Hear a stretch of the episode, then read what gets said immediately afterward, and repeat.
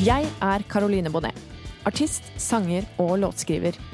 Jeg har mange år bak meg med undring og vandring i dette sammensuriet av et musikalsk Texas som kalles musikkbransjen. Det er mange historier, mange skjulte fakta, og ikke minst mange spennende folk som gjemmer seg bak denne bransjen fylt av eksentrikere, nevrotikere og alle slags snodige outcasts. Jeg bestemte meg en kveld for at jeg ville forvandle denne nysgjerrigheten til å bli min egen podkast. Jeg kommer til å invitere forskjellige gjester fra bransjen, som forhåpentligvis vil fortelle meg noe nytt som muligens verken du eller jeg visste fra før. Hver episode vil kunne belyse kjente og kanskje ikke fullt så kjente sider av nettopp musikkbransjen. Dette er hashtag bransjen.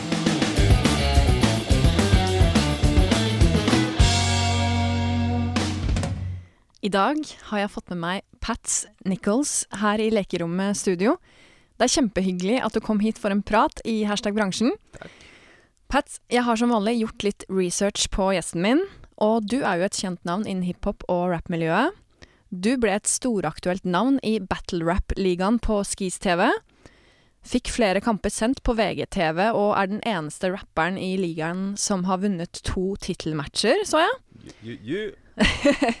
Du har samarbeida med forskjellige artister, eh, både innenfor og utenfor sjangeren din. I fjor så ga du blant annet ut låta 'Sette dem på plass' med Tuva Syvertsen, som er kjent fra Valkyrien All Stars. Som du også har samarbeida med tidligere, så jeg. Uh, og ditt musikalske uttrykk det beskrives som en blanding av Onkel P, Vinni og svenske chords. Du beskrives som en energisk liveartist og har flere prosjekter på gang, deriblant første sesong, som er et utforskende prosjekt hvor du skal gi ut både musikk, videoer og intervjuer. Du får fortelle litt om det seinere. Mm. Men uh, jeg er jo ikke så veldig kjent i rap- og hiphop-sjangeren. Og det er jo også noe av grunnen til at jeg syns det var ekstra spennende at du tok turen her til hashtag eh, bransjen for å vise bredden i musikkbransjen i Norge. Nysgjerrig og kunnskapshungrig som jeg er, så har jeg selvfølgelig lest meg opp i rappen og hiphopens historie. Og det er jo superspennende og massivt. Eh, Hiphop kan man jo si er en eh, kulturell bevegelse som oppsto eh, blant svarte og latino ungdomsmiljøer i The Bronx i New York på 70-tallet. Hvorpå kunstneriske uttrykk i det offentlige rom og på gata var i fokus, ofte konkurransepreget og en selvhevdende form. Og siden da så har jo den kulturen både musikalsk og på andre måter spredd seg som en pandemi over hele verden. For det er jo ganske lett å spotte en hiphoper. Da tenker jeg jo først og fremst på klesstil, gjerne med et skateboard i armen. Det er kanskje mine fordommer som Yep. fikk meg til å skrive det, den setningen der. Men uh, sagger jeans, eh, store jakker, eh, hva tenker du da, Pats? Eh, Er du da enig? tenker jeg at du har et bilde av uh, hiphoperen som eksisterte fra 1990 tidlig til eh, 2000 og tidlig. Og etter det så kan man ikke nødvendigvis eh, se hiphopere på klærne lenger. Men de som går kledd sånn som du beskriver, er ofte hiphopere. OK. ok. Men det er jo også folk um, ah, Nå var det veldig mye å ta tak i her.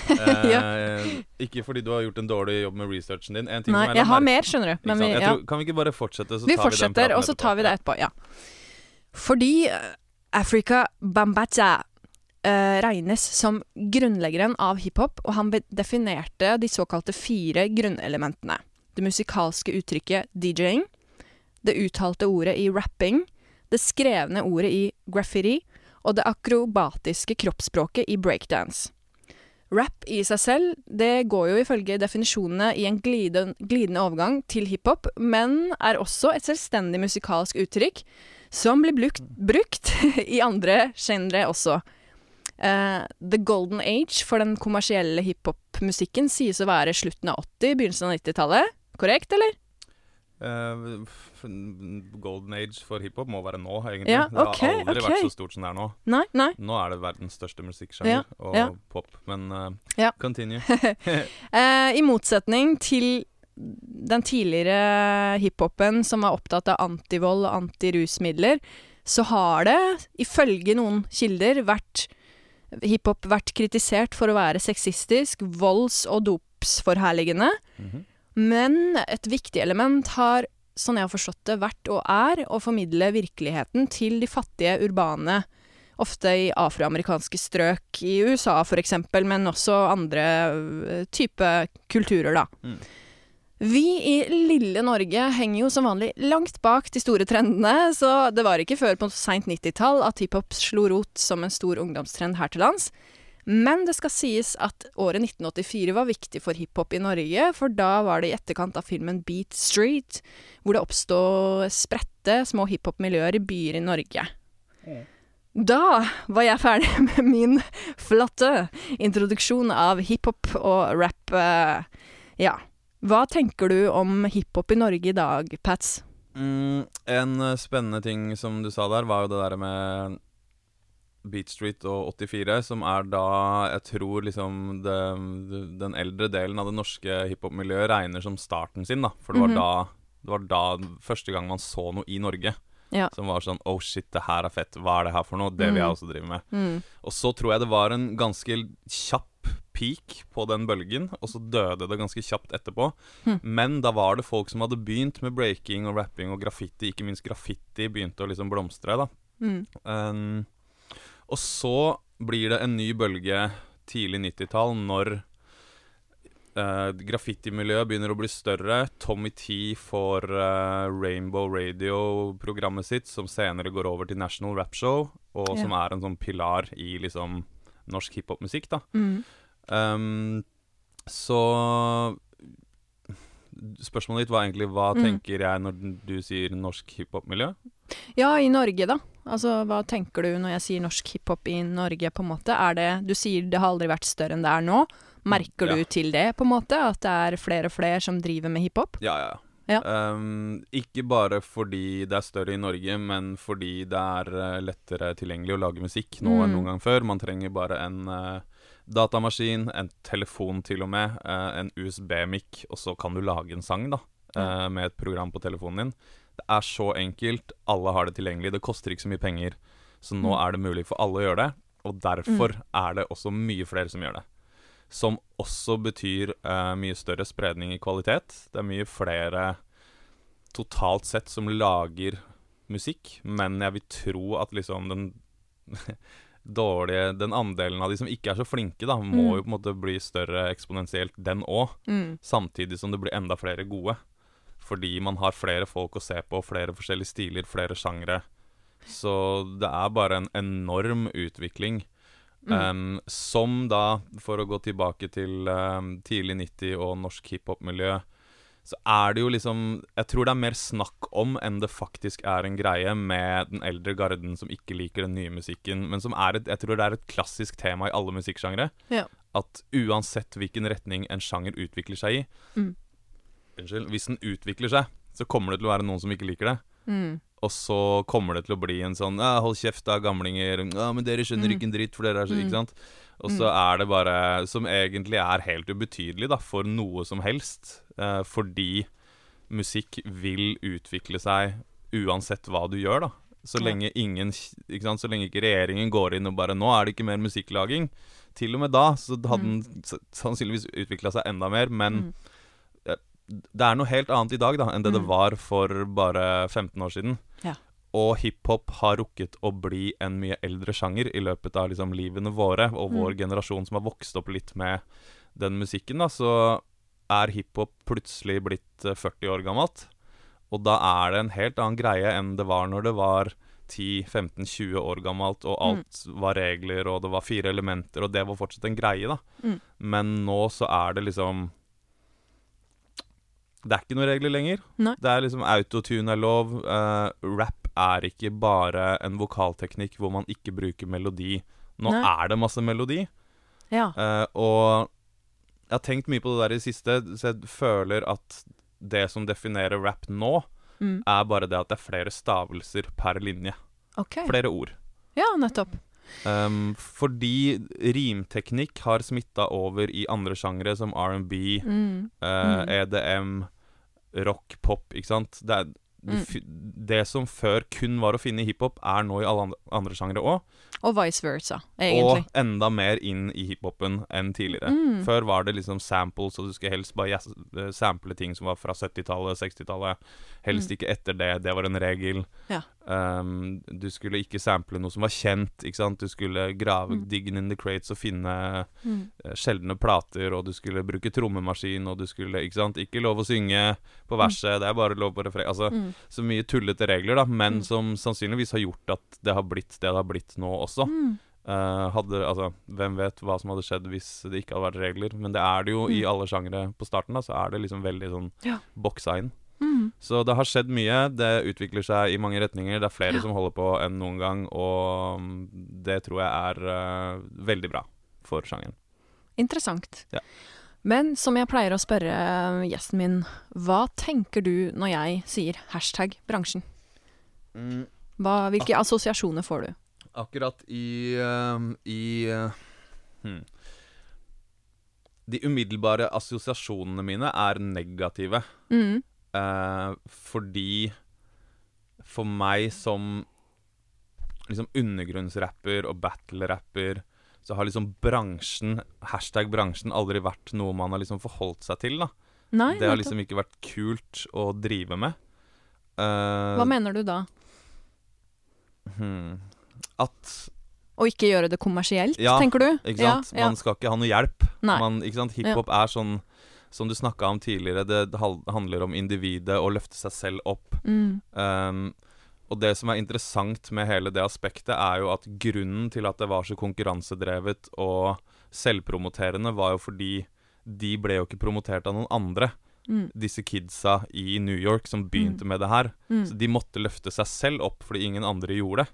Det er et veldig godt innspill, for jeg har fundert litt over det. Bare sånn Ja, men selvhevende, selvpromoterende Altså, det høres jo litt sånn negativt lada ut, men de hadde på en måte kanskje ikke noe annet valg, da, egentlig. Nei, ikke sant? Og det ble deres måte for å få innpass og positiv forsterkning og føle tilhørighet og alt det der, ikke sant? Mm. Ble, men altså, samtidig så ser man jo, hvis man, man trenger ikke å se lenger tilbake igjen til rock, da, rock'n'roll, liksom, der er det jo Mm. masse sånn 'jeg er kul'-type låter, da. Ja, ja. Um, men, uh, og derfor ble det en greie, det konkurranseelementet, da, Mm. som er så tydelig, men som har sant, gått over til helt andre ting, da, som sent, eller tidlig 90-tall og sent 90-tall var, var litt sånn gangster-image-greie. Mm. Og da kom saggebuksene, og da ble det den greia. Før Ja. det så var det liksom sminke og glitterdresser og sånn. På 80-tallet og sånn så var ja, det okay. Dr. Dre var med en gruppe som hadde kledde seg ut liksom på scenen. Nettopp. Um, og så gikk det over til liksom gangster-image og dop-greiene. Mhm. Og så samtidig så, sant, så deler det seg, og så blir det en sånn conscious-bølge samtidig som gangsterbølgen foregår. Conscious-bølge, hva betyr det da. Um, det blir da de som er liksom sosialt uh, engasjert i Ja. samfunnspolitikk og sånne ting, da. Okay. Uh, som liksom snakker om um, Snakker om Krig og fred og sånn? Ja. ja, men den ekte, Ja. eller den ekte problematikken i å vokse opp blant masse dop og sånn. da Mm. Ikke sånn derre 'Å, på hjørnet er det masse gangstere', men sånn 'Hei, det er kjipt at jeg må selge dop for at mora Mm. mi skal få medisinen sin'. Mm. eh, måter å snakke om det på, da. Så det ble Så deler det seg, og så ble det mye partyrap, og så, ikke sant, har det bare Men nå så er vi litt tilbake på det der med glorifisering av eh, fest og eh, Ikke så mye misogyni som det var før, men det har definitivt, ikke sant, homofili eh, Misogyni, hva betyr det? Uh, Det er nedsettende kvinneprat, er det Å, ikke det? Ok. Jeg husker ikke helt Da lærte jeg et nytt ord. definisjonen, Takk. Um, Feminist, jeg burde jo visst det. kommer her og skoler deg, vet du. uh, både hiphop og fem... Nei da. Men uh, um, jo, ikke sant. Ordet Altså bare måten man snakker om damer, snakker om dop, om hvordan være kul, heve seg over andre, er litt greia igjen i dag, da. Som jeg føler er en litt sånn Det er en ignorant greie, samtidig som det er et sjangertrekk blitt, da. Hm. At det er alle bare sånn Ja, ja, men det er hiphop. Selvfølgelig rapper de om dop, og selvfølgelig er det noen damer med noen rumper, og At man tenker bare sånn Ja, ja, men det er hiphop. Um, så Men, ikke sant, det er jo ikke noe fasit på hva det er. Det er det som er i det kommersielle lydbildet, da, og som labelsa kanskje pusher, samtidig som det også er jeg merker at det blir veldig mye selvmotsigelser. Men ikke sant, det er så mye forskjellig da, det er vanskelig å si liksom, hva er hiphop og hva er rap nå. Fordi det er så mye mer enn det ene ordet kan beskrive. da. Eh, og det er nok mye mer rap i dag enn det er hiphop. OK. For det var, det var det jeg skulle tilbake til, som du sa i starten, at hiphop er en eh, Du beskrev det som en en kulturell Bevegelse. Ikke sant? Mm. Og det er mye riktigere enn å si at hiphop er sånn og sånn musikk. Mm. For hiphop er alle de fire tinga. Mm. Du kan på en måte ikke drive helt med hiphop uten å engasjere deg i eh, graffiti, eller eh, du kan selvfølgelig, men det er en hel kultur, da. Det er ikke bare måten du lager musikk på. Det er noe av det jeg syns er interessant med hiphop. Det er jo nettopp det at det er en bevegelse, og noe av det som kanskje gjør det på en måte På et vis større enn andre sjangere, hvis det er en måte å si det på. Altså, hva tror du er grunnen til at hiphop er så sterkt, og at det står så sterkt i Norge, og som du sier, at det har blitt en enda større bevegelse eller større gruppe mennesker som på en måte kjenner seg igjen i uttrykket, da. Hva er det som fenger ved hiphop? Um,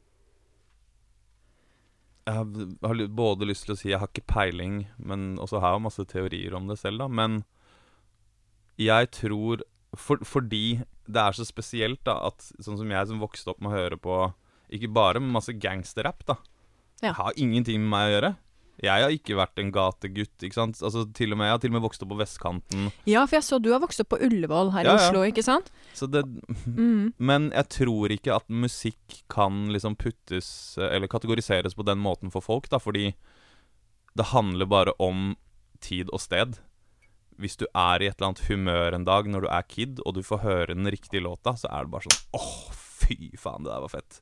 Det skal jeg høre på lenge. Og plutselig så er det det du hører på, som er liksom hovedsjangeren din resten Ja. av livet. da Og det er så mye tilfeldigheter. Ikke sant? Hva Mm. foreldrene dine hører på, hva Mm. slags eh, eldre søsken du har som kanskje kommer med uh, innspill, og som du blir uh, interessert i hva hører på.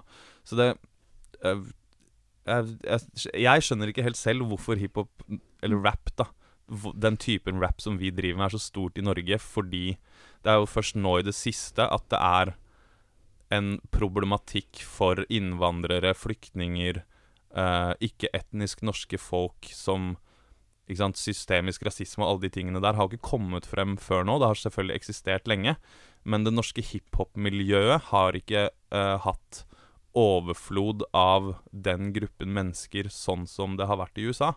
Nei. Hvor det er der musikken kom fra. Mens her i Norge så begynte jo sant, alle grupper, alle samfunnsklasser med det på likt. Mm. Og så eier alle det like mye. Og det er veldig rart. I og med rart. at det, det har ikke noe med min oppvekst å gjøre, da. Det er bare uttrykket som liksom Ja. appellerer. Ja, det er veldig sosialt interessant, fordi det handler jo om å identifisere seg med ting ofte, ikke sant? Ja. Og når man da måte, Når det da fenger så mye at man blir en del av en sjanger uten å egentlig kunne på en måte kjenne seg igjen i de historiene, så Ja.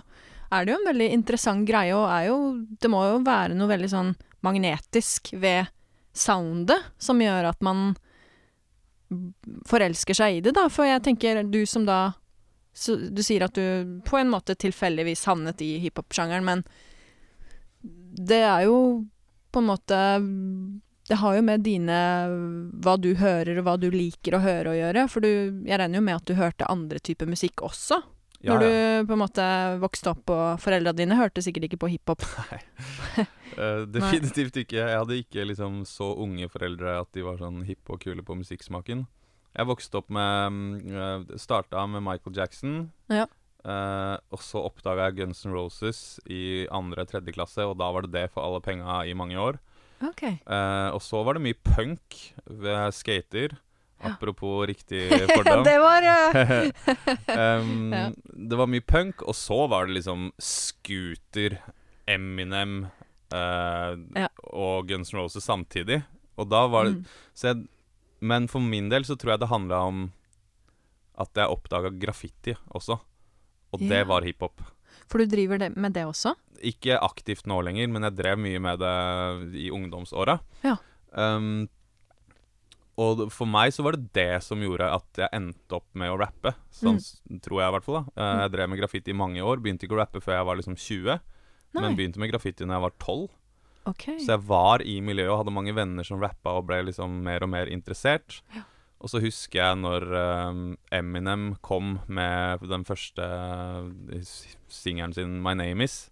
Den husker jeg veldig godt. Og så kom albumet, og så kjøpte jeg det, og så ble jeg sånn derre Å, herregud, her skjer det et eller annet som jeg ikke skjønner hvorfor Det er så jævlig fett, men jeg skjønner ikke hvorfor. Og så begynte jeg å lese tekstene, og så skjønte jeg sånn at han rimte mye mer da enn bare Mm. de klassiske enderima. Ja. Og så ble jeg sånn Å, fy faen, det her er fett. Mm. Det skal jeg lære meg. Ja. Og så var det gjort, på en måte. Okay. Så det var en sånn ren eh, Et lite intenst dypdykk som gjorde at jeg bare fanga opp interessen for det. Og samtidig så var det venner av meg som rappa, og så skjønte jeg liksom hvorfor de syntes det var så fett, og så blir man med, og så Ja, da er var det man her 16 år seinere. ja. Men det jeg uh, syns er ganske interessant, og som jeg har lyst til å snakke litt om nå, det er jo nettopp den konkurranseprega delen av hiphop, rap. Eh, for når jeg googla deg, så kom jeg inn på blant annet en video hvor du er i en sånn rap-battle, da, Mm. med en annen fyr. Eh, og bare sånn for å sammenligne med andre typer musikksjangre, da, Mm. så syns jeg det er så sosialt interessant å se de store forskjellene der. Fordi Mm. det fins jo strengt tatt ingen scener, som jeg vet om i hvert fall, da må gjerne noen fortelle meg om det, men scener hvor man på en måte konkurrerer mot hverandre i sang, Nei. hvis du skjønner? Nei. Sånn 'Å, nå skal jeg synge bedre enn deg', så ja, la meg vise deg. Og så Jo, jo, Idol, jo, jo. Men det er jo sånn kommersiell, Ja. veldig hypa opp greie som på en måte er mer TV-underholdning enn Ja. selve En følelsen der og da. Ja. Eh, Jeg har aldri sett at det er på en måte noe scener i den forstand hvor man på en måte synger hverandre ut, men man rapper jo hverandre ut. Og det syns jeg er sånn hm, fascinerende, for da går det jo på å finne ting som på en måte er negativt om den andre. ja. Og så tenker jeg ja, det er jo Man skal jo ha veldig mye guts og mye mot og styrke, og ikke minst være en ordsmed, da, for å kunne stå der foran et livepublikum og komme opp med masse ja er det nå er det ikke improvisert lenger. Nei vel. Før var det det. OK. Um, jeg tror jeg kan svare Både fortelle litt om battle rap og uh, svare på det du nevnte med hvor det kommer fra. Det Ja, konkurranseinstinktet. Uh, eller konkurranseelementet. Og det kommer fra at når de begynte i New York på 70-tallet, så var det ikke sant, disse DJ-sa som du nevnte. Han Afrika Bambata er jo ikke så glad i lenger. Han viser det seg at han driver og tukla med smågutter og sånn, så han øh, Nei, har vi liksom droppa han- litt. Jeg burde Men- nesten ikke nevnt han, da. Nei, men ikke sant? Det er dumt at ikke det dukker opp, da. Når det står et eller annet sted, så burde det stå sånn her Mm. Ja. By the way, du trenger ikke å snakke så mye Ja. med han fyren her, liksom. Mm. Men um, disse DJ-sa, ikke sant, de starta det her med to platespillere. Det er der det kommer fra. Det er en hiphop-ting. Og ikke Ja. scratching og uh, Og da var det jo ikke hiphop-musikk. Da tok de bare deler av funk- og soul-låter, som var liksom the breakdown mm. Trommebreaket, liksom, som ofte bare er to eller fire bars. Og så hadde de to plater, og så spilte de det om og om igjen. Og det var det som ble hiphop. Det er derfor hiphop er basert på trommebreaks, fordi de valgte ut trommebreaksa, spilte de fram og tilbake, scratcha litt. Og så var det eh, det som da eh, ble kalt MCs, som egentlig er en konferansier, eller en vert. Eh, og de hadde ofte med seg MCs som skulle hype opp DJ-sa. Fordi det greiene her var så stort at det sto ofte liksom to-tre DJs på samme spot og spilte. Så de måtte konkurrere om oppmerksomheten. Det var om å gjøre å ha høyest lyd, det var om å gjøre å spille de kuleste breaksa, nyeste tinga, ikke sant. Okay. Veldig sånn popularitetskonkurranse. Fordi det ble en så stor greie så kjapt.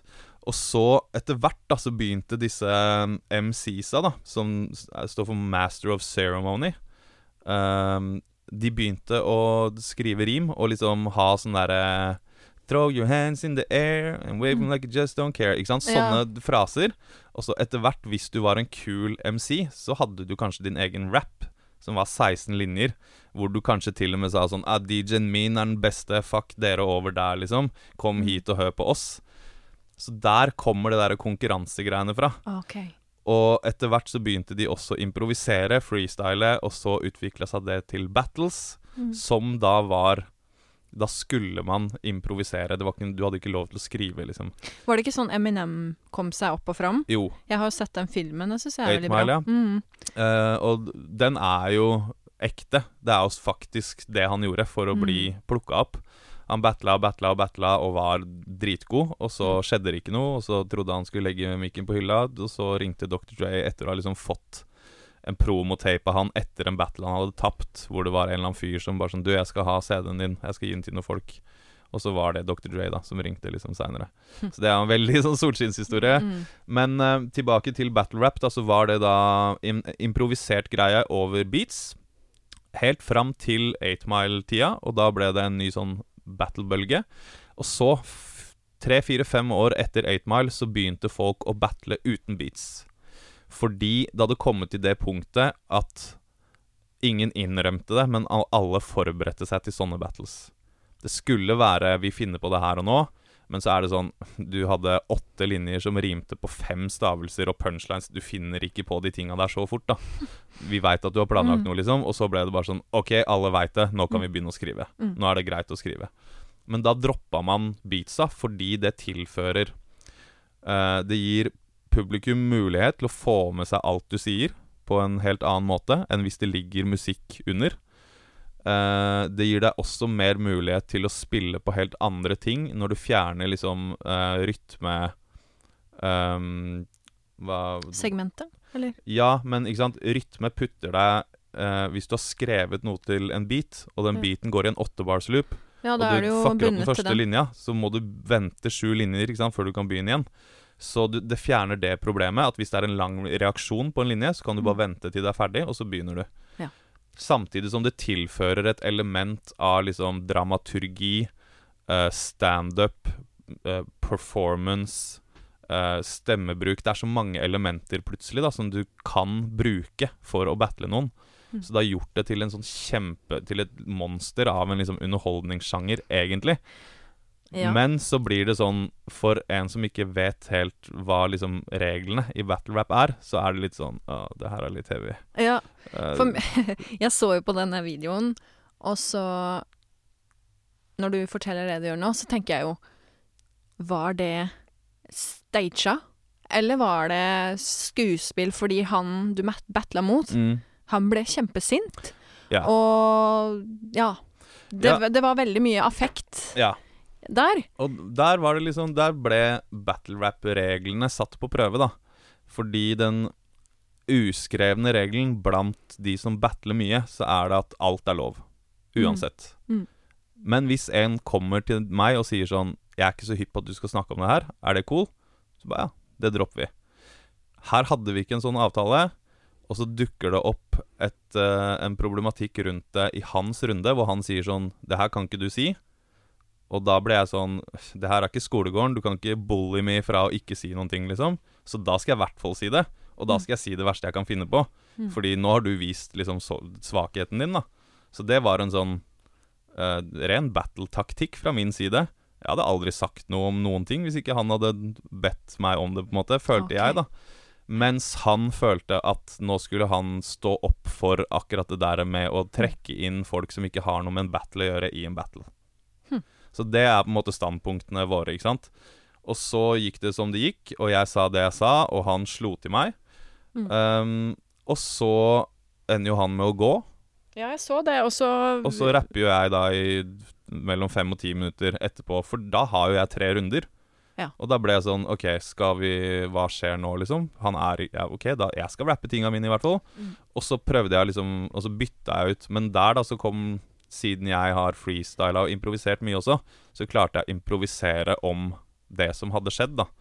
Ja, uh, så for meg så var det en sånn ultimate testen å bli satt på. Sånn Noen slår til deg, og du skal rappe, liksom. Hva, hva gjør du nå? Hva, hvor henter du energien fra? Hvordan klarer du å komme deg gjennom det? Og for meg så hadde jeg ikke villet vært den erfaringen foruten. Fordi Mm. da fikk jeg bevist for meg selv at jeg kan klare det her uansett. Ja. Mm. Uansett hva som skjer, liksom. Så får jeg det til. Og det er en veldig spesiell battle å se på, for du føler veldig på den der kleine energien i rommet etter at han har gått og jeg begynner å rappe igjen. Ja, helt det, til jeg jeg kjente på den gjennom skjermen, for å si det sånn. Og den var nok enda verre on the spot. Uten tvil. Men når jeg først landa den første punchlinen, så letta det, liksom. Og da var det super stemning, følte jeg, da, og publikum som var der resten av min performance. Ja. Så nei, absolutt ikke staged. Um, men jeg og han, Jester, er helt cool nå. Så bra. Uh, vi gjorde opp kjapt etterpå. Det her er sju år siden. Så for meg så er det på en måte lenge siden, men det er jo mange som fortsatt er interessert i den historien, da. Mm. Men mellom oss så er det ikke noe vondt blod. Det som skjedde, skjedde.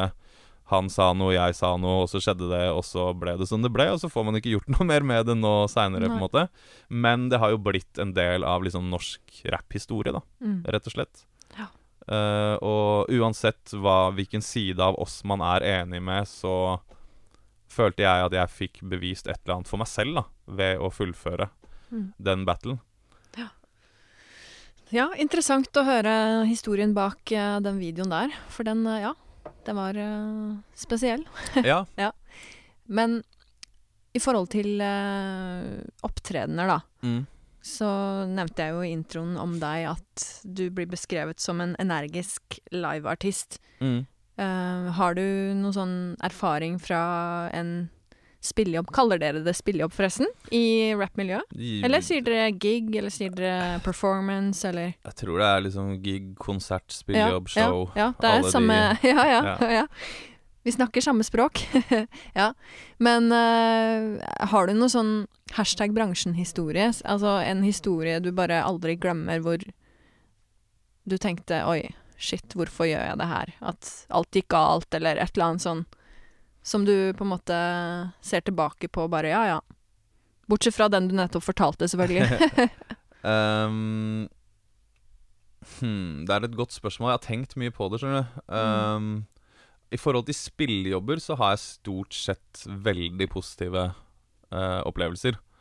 Jeg har alltid Jeg skal ikke si at jeg alltid har vært flink, men jeg skjønte ganske tidlig at jeg ville øve mye før jeg spiller, fordi jeg var gjennom den der startfasen med å drikke litt for mye før et show, og, og liksom oppleve at jeg ikke huska bare sånn, Hvordan gikk den låta? Mm. Jeg husker ikke, ass. Hvordan var den? Og det er ikke fordi jeg har vært dritings, det er bare sånn fordi du er in the moment, drukket et par pils for mye, og så Mm. klarer du ikke helt å fokusere på det du skal. Um, og ikke det at sånn, Nå høres det ut kanskje som drikking var et problem for meg, men bare sånn de, de opplevelsene trenger man bare å ha en eller to av, da. Eller noen trenger å ha en eller to av de, før man bare sånn OK, sånn funker det ikke for meg. Så jeg begynte egentlig å øve mye og var opptatt av å liksom rappe bra på scenen. da, At folk skulle høre hva jeg, har, hva jeg sier i låtene mine. Så diksjon og sånn har alltid vært en viktig ting. Um, men det, jeg har selvfølgelig dårlige opplevelser av spillejobber, men ikke sånn derre katastrofehistorie. Det er mer sånn bare sånn ah, Det er den dårligste konserten jeg har spilt fordi På grunn av meg, egentlig. Ja. Uh, jeg har ikke så mye sånne sensasjonelle opplevelser akkurat der som ikke har vært bra, da. har du spilt på noen rare steder hvor du bare tenkte ja, hvorfor eh, Ja, Hvorfor er jeg her? Selvfølgelig. Uh, har spilt for uh, Jeg tror det minste jeg har spilt for, er liksom to stykker på okay. en fritidsklubb. Ja. uh, og så ler lydmannen også. Men det er sånn, jeg tror alle har de opplevelsene. da Hvis Mm. du bare Hvis du vil drive med musikk nok, så setter du deg selv i den posisjonen før eller senere hvor det, det er ikke noen der, da. Mm. Ingen veit hvem du er, og ingen skjønner hva, hvorfor du er der. Men de bare sånn OK, vi ser på altså, ok sånn medlidenhet. Ikke sant? Sånn skikkelig pity-fans, liksom. Um, Mm. Ja. Nei, det er, eh, det er en del av skolen, det, er det ikke Ja. det? Men Føler man eh, lærer mye av det. Ja. Man burde i hvert fall det. Hvis man ikke gjør det, så gjør man noe feil, føler jeg. Enig. Men det er kanskje et uh, element i uh, framstillinga av spillejobber også, at du som rapper er på en måte sjelden sammen med veldig mange andre på scenen, kanskje? At du er ofte alene på scenen og har backbeats, eller jeg vet ikke hvordan det fungerer. For når jeg har en spillejobb, da, så er det jo på en måte stort sett med en gitarist eller et band, Mm. eller ikke sant, vi er en gjeng på scenen, da. Jeg kan eh, vel uh, ikke si at jeg har gjort noen av delene mm, veldig mye mer. Jeg har gjort, tror jeg, alle mulige måter å spille rappkonsert på fra band med fem personer til uh, en gitarist til en DJ til uh, fire rappere sammen. Altså Jeg føler jeg har fått eksperimentert mye med, hva, med uttrykk. eh, hvordan lage bra rappkonsert, da. Mm. Og det er det mange forskjellige fasiter på. Men de siste åra har jeg vært veldig opptatt av å spille med bare meg og en DJ. Fordi jeg har lyst til å mestre å lage et bra show med bare meg. For hvis jeg kan det, så er det lettere å gjøre det sammen med andre. For da veit jeg nøyaktig hvilke kvaliteter jeg har som jeg kan spille på underveis. Mens øh, band er Jeg føler meg ikke like trygg på å spille med band, for det har jeg gjort litt mindre. Men jeg har spilt nok med det til at, jeg, at det er en ting som jeg setter veldig høyt som På liksom trivselsskalaen da, i å spille Mm. konsert, for det er en helt annen greie. Uh, lydbildet er helt annerledes, energien er helt annerledes. Jeg har mye mindre ansvar. Jeg er Ja. vant til å ha alt ansvaret. Uh, jeg, for selv så er noen av de beste konsertopplevelsene mine Er med rappere som ikke har med seg noe backup. Nothing. Bare rapper og en DJ, liksom. Og så er Mm. alt blodtight hele veien. Da blir jeg sånn wow. Men det er ikke så mye show, da. Det er, da kommer du for ikke sant? Da er det rappere som har bra tekster, bra låter som du vil høre på og oppleve, da. Mens um, live-greiene i dag er ofte liksom folk bruker låta. Ikke bare beaten, men låta, og så bare rapper de oppå master av låta, som jeg syns blir litt sånn eh. Mm. Da føler jeg du er litt lat. Um, for, og jeg sier det ikke fordi det ikke går an å gjøre det fett, men det er til gode å se noen som utnytter at de har sin egen vokal hele tiden. Som klarer å harmonisere eller legge andre stemmer, ikke sant. Kanskje du kunne brukt en uh, loop station eller et eller annet for å liksom Men når folk har låta på, så rapper de bare oppå, så prøver de bare å høres helt like ut som låta, og da blir jeg sånn Ja, men da utnytter du ikke potensialet. Hvorfor skal du ha Altså, hvorfor skal du ikke gi folk låta i en live-form, da? Ja. Når du har muligheten til det. Hvorfor velger du å bruke vokalen på låta? Jeg bruker også vokal på låtene mine, men da er det koringer. Det er kanskje ett spor på hooket, sånn at hooket er litt tydeligere. At det høres litt større ut. Da er det for å løfte meg selv. Hooket, er det Refreng. Altså, refreng, ja. Mm. Ja. Um, for jeg har lyst til å være flink nok til at jeg kan bære vokal gjennom en tre kvarter times konsert da, med rap. Mm. Det, men det blir jo noe annet enn med sang, da, for det er så mye mer vokal. Man bruker stemmen, eller stavelser i hvert fall. Da. Så det er mindre pust, og det er mindre pauser, og det, det er vanskeligere å liksom ikke bli sliten i stemmen, da, rett og slett. Og presse seg sjæl og gå i diverse feller. Mm. Um, Låtskriving, Pats. Ja. Er du sånn Er det sånn at du bruker masse tid på det, eller har du Setter du av tid til det, eller kommer det plutselig inspirasjon, sånn at du skriver ned eh, tekster, eller er det sånn, Lager du melodier selv, eller hvordan funker det når man er en rapper og lager tekster? Er det sånn at du henter melodier fra andre steder, eller kommer du på melodien selv, eller er det Sikkert dumt spørsmål, kanskje. Nei da. Um, eh, før brukte jeg veldig mye tid på å skrive en tekst. Um, så hadde jeg en opplevelse før jeg slapp det første albumet mitt i 2015. Første offisielle. Um, hvor jeg satt i studio hver dag i tre-fire måneder. Skrev og spilte inn. Bare skrev og spilte inn hver dag hele tiden. Og etter det så har jeg følt at jeg har klart å kvitte meg med uh, inspirasjon og motivasjonselementet. At det er ikke noe jeg er avhengig av lenger. Mm. Um, nå har jeg snakka om det her på flere podder og steder, men jeg liker det veldig godt. Um, og tanken da var fordi jeg hadde snakka med en uh, kompis som heter Nils med Skills, som er han som drev den battle-ligaen Skis TV. Um, hvor, han, uh, hvor jeg spurte han bare sånn Ja, men hva, når skriver du, liksom? Så han bare sånn «Nei, Jeg har kone og barn, jeg har ikke tid til å være inspirert. Jeg må skrive når jeg har tid, jeg. Så jeg setter av tid, og da skriver jeg. Ja, imponerende. Og sånn er det.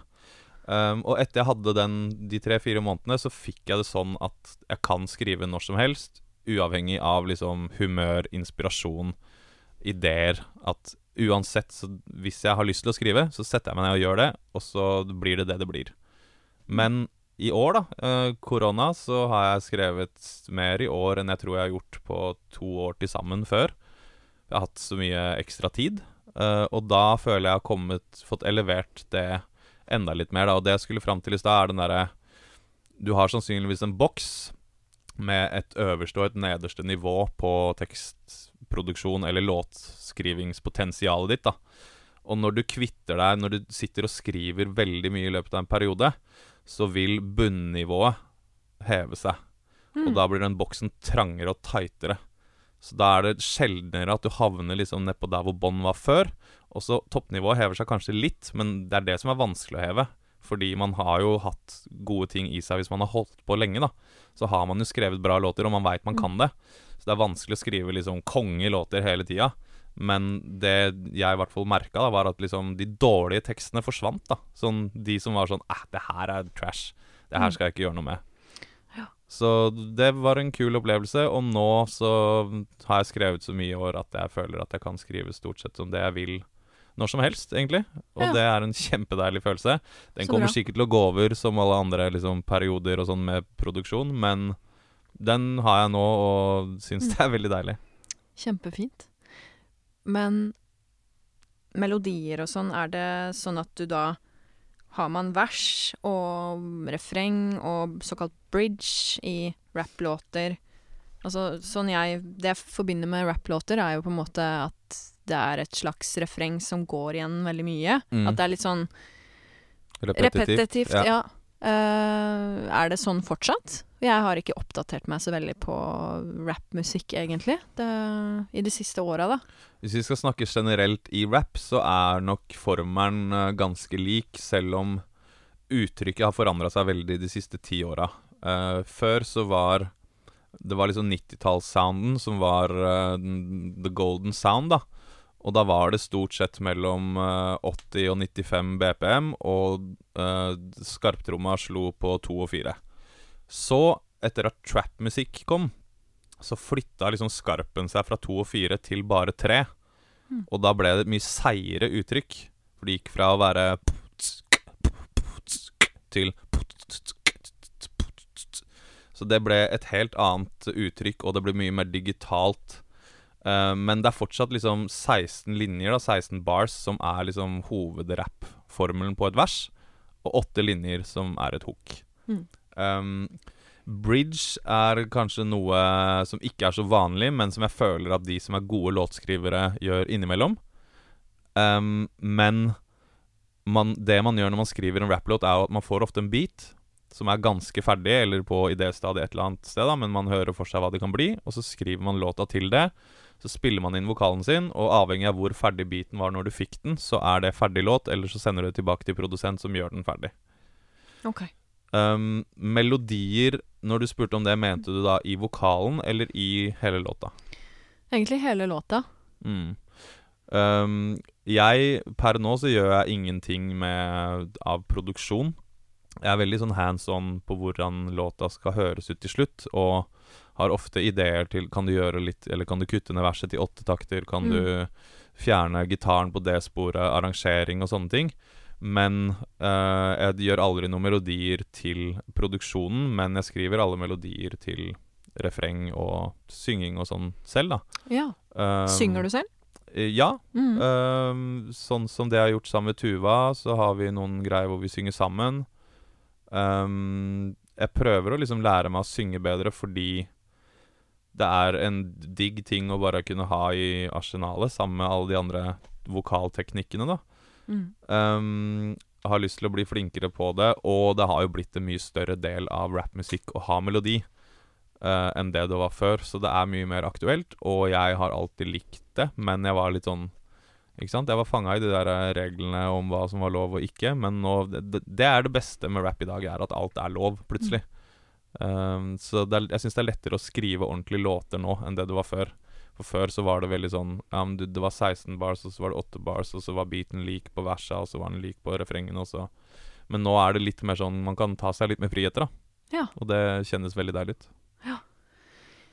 Eh, hva tenker du om eh, låtskriving i andre sjangre, på en måte, kontra rap? Altså, hører du noe på andre sjangre? Masse. Sånn, ja, du gjør det? Ja, jeg hører eh, Jeg tipper jeg hører like mye på andre sjangre som jeg hører på rap.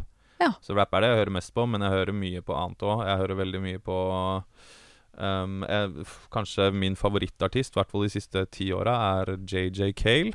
uh, som Ja. er mentoren til Eric Clapton. Mm. Um, han har en skive som heter Five, som er uh, min absolutte yndlingsskive de siste fem åra, som jeg har spilt i hjel.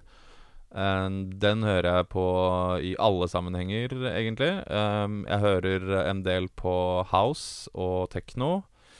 Jeg hører en del på country. Det syns jeg er veldig veldig gøy. Ekte liksom cowboy-country. Ja. Uh, jeg ble ekstra interessert i det etter jeg så den der serien til han uh, uh, Mike oh, faen? Han som lagde Beavis og Butthead.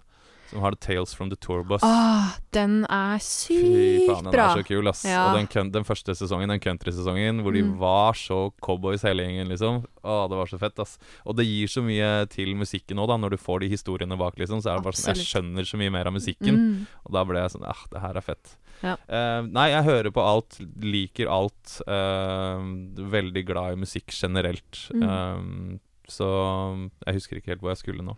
Nei, men eh, bra svar. Eh, jeg eh, tenker Hva var det jeg tenkte? Nå bare falt jeg litt ut, så du får klippe her, klippemann. Men hva er det jeg pleier å spørre om her, da? Det var Jo. I andre typer sjangre, da, som for eksempel de jeg på en måte beveger meg inn og ut av, Som så, er som er soul, blues, eh, populærmusikk, Mm. eh, så er det jo veldig mye tekster om kjærlighet. mm. Mens rap har på en måte tradisjonelt, i hvert fall ifølge det jeg har googla meg opp til, og det jeg har hørt av rap, er ofte mer sånn litt gangster. Men kanskje det har forandret seg? Kanskje det er mer kjærlighetstekster? Kanskje det er mer kjærlighetssorg i rap enn det det var? Det er det. Ja. Eh, det, har, det kom en liksom sånn eh, emo-bølge for uh, Jeg husker ikke hvor mange år siden. Hvor plutselig liksom ting var veldig sånn emo-sounding, da. Og det var mye sånn Og de blir kalt sad rappers. Okay. For de er sånn triste dudes og ser alltid sånn molefonkne ut på bildene sine og sånn. Uh, så de, de lagde en greie, og da, da var det greit å liksom snakke om kjærlighetssorg og sånn, da. Men uh, kjærligheten har nok kommet til uttrykk på helt andre måter. At den har kommet til uttrykk eh, Ikke sant, Tupac har en låt som heter 'Dear Mama', eksempel Ja. som er en låt til mora hans, en ekte låt til mora hans. Um, så de fins, men det, det var nok ikke Det var forbeholdt de største artistene som var gode låtskrivere, da, tror jeg. Som klarte å gjøre Fordi rap om kjærlighet blir kleinere enn sang. Ja, for det er vel litt den derre stereotyp Det imaget, da, til Ja. en rapper som oftest har vært i hvert fall litt sånn røft og Mm. Jeg øh, skal erobre verden, jeg klarer hva som helst. Eller ja, litt Ja. den derre tøff, tøffe gutta-sjangeren. Ja. Mens nå har det sant, nå er det greit å vise flere sider av seg selv da, som rapper. Mm. heldigvis. Så man ser jo det at mange av de gamle gutta blir mye mer personlige med åra også. Mm.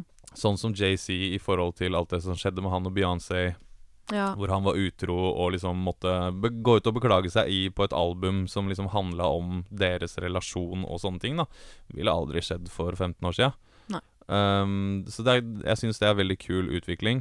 Sjæl så har jeg liksom skrevet masse kjærlighetslåter uh, de siste bare åra, etter at jeg møtte fantastiske Maureen. ja. Um, Hun er fantastisk. men det, det tror jeg egentlig handler mer om henne enn det handler om min evne til å skrive kjærlighetslåter. ja.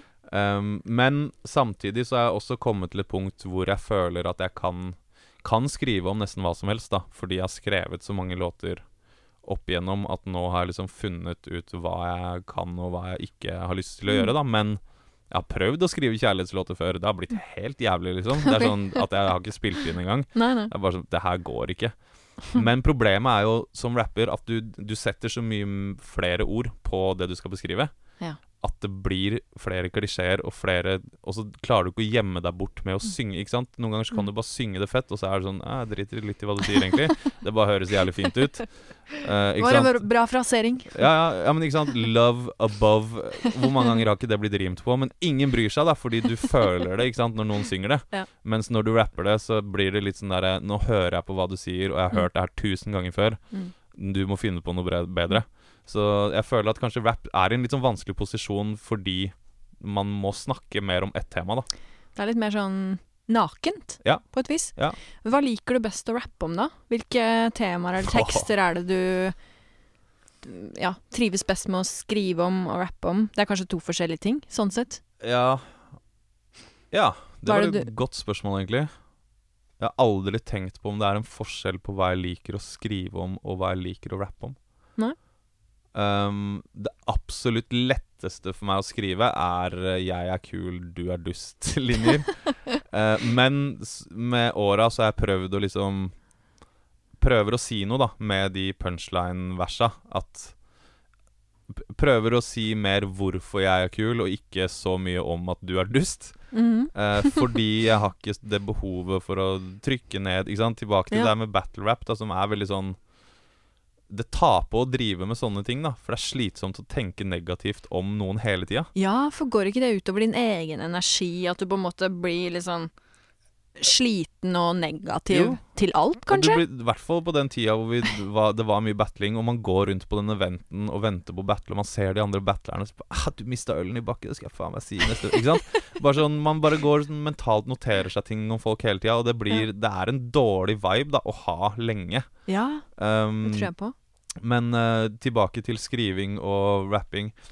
Um, jeg liker kanskje enda bedre nå enn før å skrive punchline-rap, fordi jeg føler at jeg har blitt enda flinkere til det. Jeg har funnet ut hva jeg kan skrive om, og hvordan jeg kan ordlegge meg på en smart og kul måte. Mm. Lyrikk er kjempeviktig for meg, sånn å faktisk si kule ting, da. Og det er kanskje det jeg liker å rappe om aller best, er når jeg veit at det jeg sier, er fett. Og at det er sånn jeg veit at hvis jeg spiller en konsert og det er folk som ikke har hørt meg før, så vil jeg få et par sånne der Å, shit, det der var fett. Tryner, da, mens jeg rapper. Og det er noe av det beste jeg vet.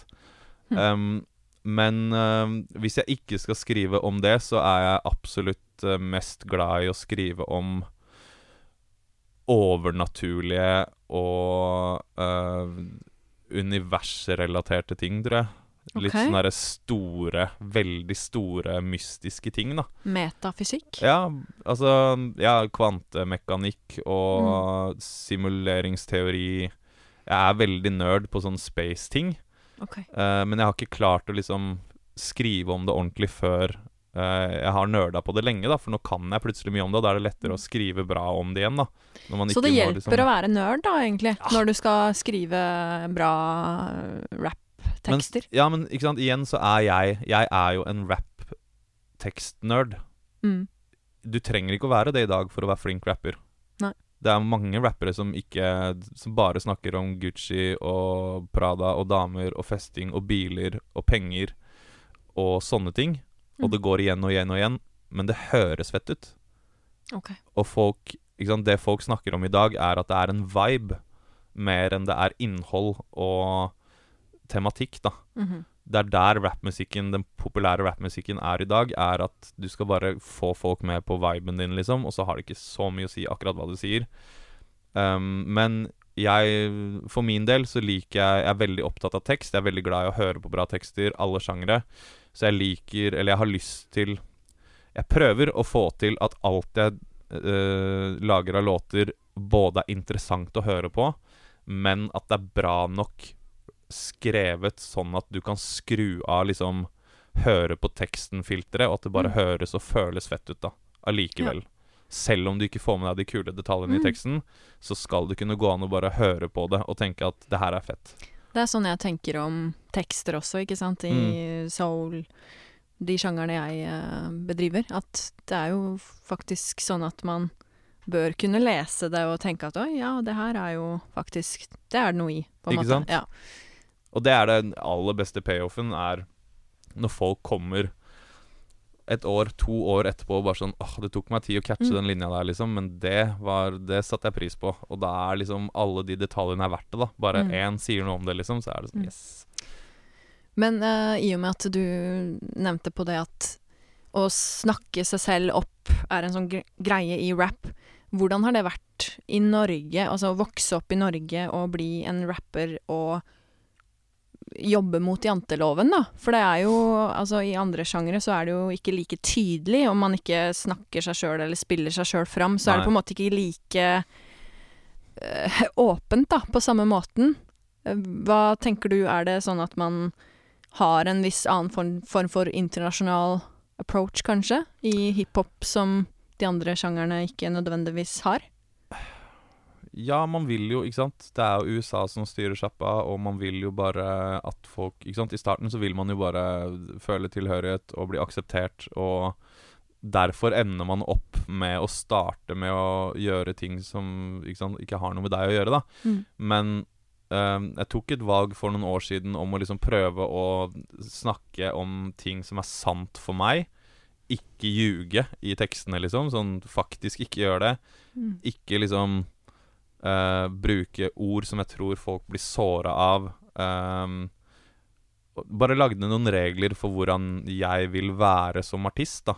Uh, I uttrykket mitt. At hva jeg syns er greit å snakke om, ikke. Og hvis jeg skal snakke om de vanskelige temaene, så vil jeg gjøre det på en bra, um, bra og lærerik måte for folk, da. Um, nå mista jeg tråden. Ja, at det på en måte utvikla seg til å bli noe du tenkte andre ville få nytte av å høre også, kanskje? Nettopp. Ja. Fordi man blir eldre, og så ser man hva man har lært av selv, og så har man lyst til å Ikke sant? Fordi man veit Uansett hvor få som hører på deg, eller hvor stor artist du er, eller Så vet man at en eller annen person får noe ut av det her, for man har fått de tilbakemeldingene. At ikke sant, det er en eller annen person som bare sånn Ah, den låta liksom Mm. redda dagen min, eller jeg hører på den med kjæresten min, eller ikke sant eh, Jeg har gode minner, vi var på fest. Du får de tilbakemeldingene, og da er det liksom Alt arbeidet er verdt det, da.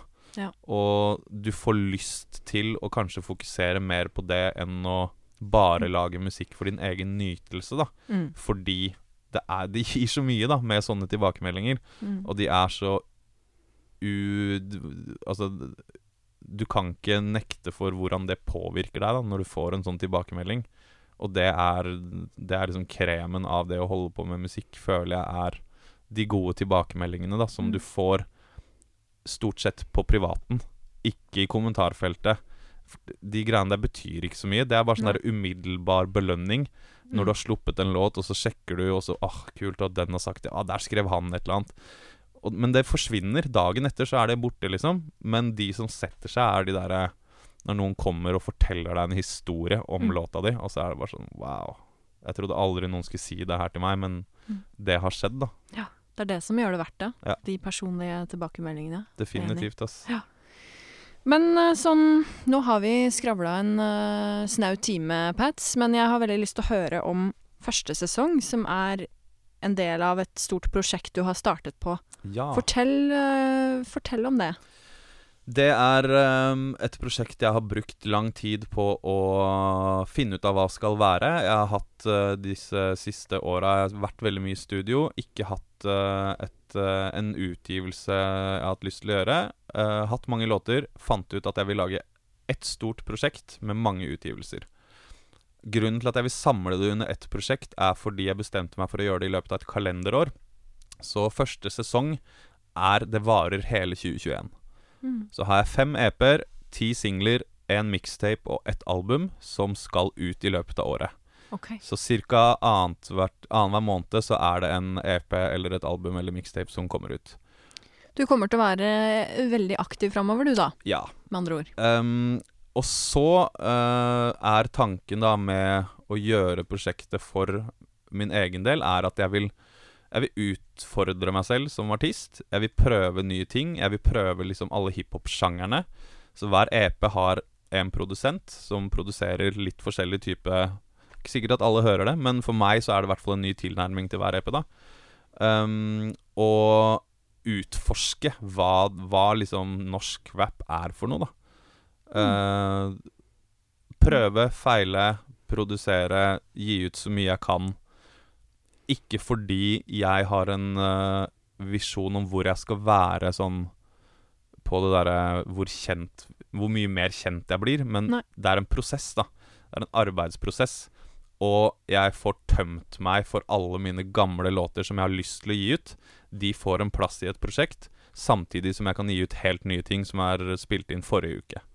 Alt det får jeg gjort i løpet av det året, og jeg har aldri klart å catche opp med meg sjæl, for jeg har alltid produsert så mye tekster, ikke fått spilt inn nok. Nå har jeg plutselig fått tid og et management og produksjonsselskap som hjelper meg med tingene, og da er det bare sånn OK, da gjør vi det endelig. Og så viste det seg jo at jeg hadde ideer til andre og tredje sesong også, som dreier seg om da andre sesong skal være et live-prosjekt som kun går på å utforske rappmusikk som live-sjanger. Uh, hva er en rappkonsert? Når er det konsert? Når er det ikke konsert? Uh, hvor få mennesker kan man spille for? Altså Bare sånn, mm. bare prøve ut alle liksom, aspektene av det. Tredje sesong skal være å utforske rap som en underholdningssjanger. Ikke bare låt og konsert, men da alt det andre også.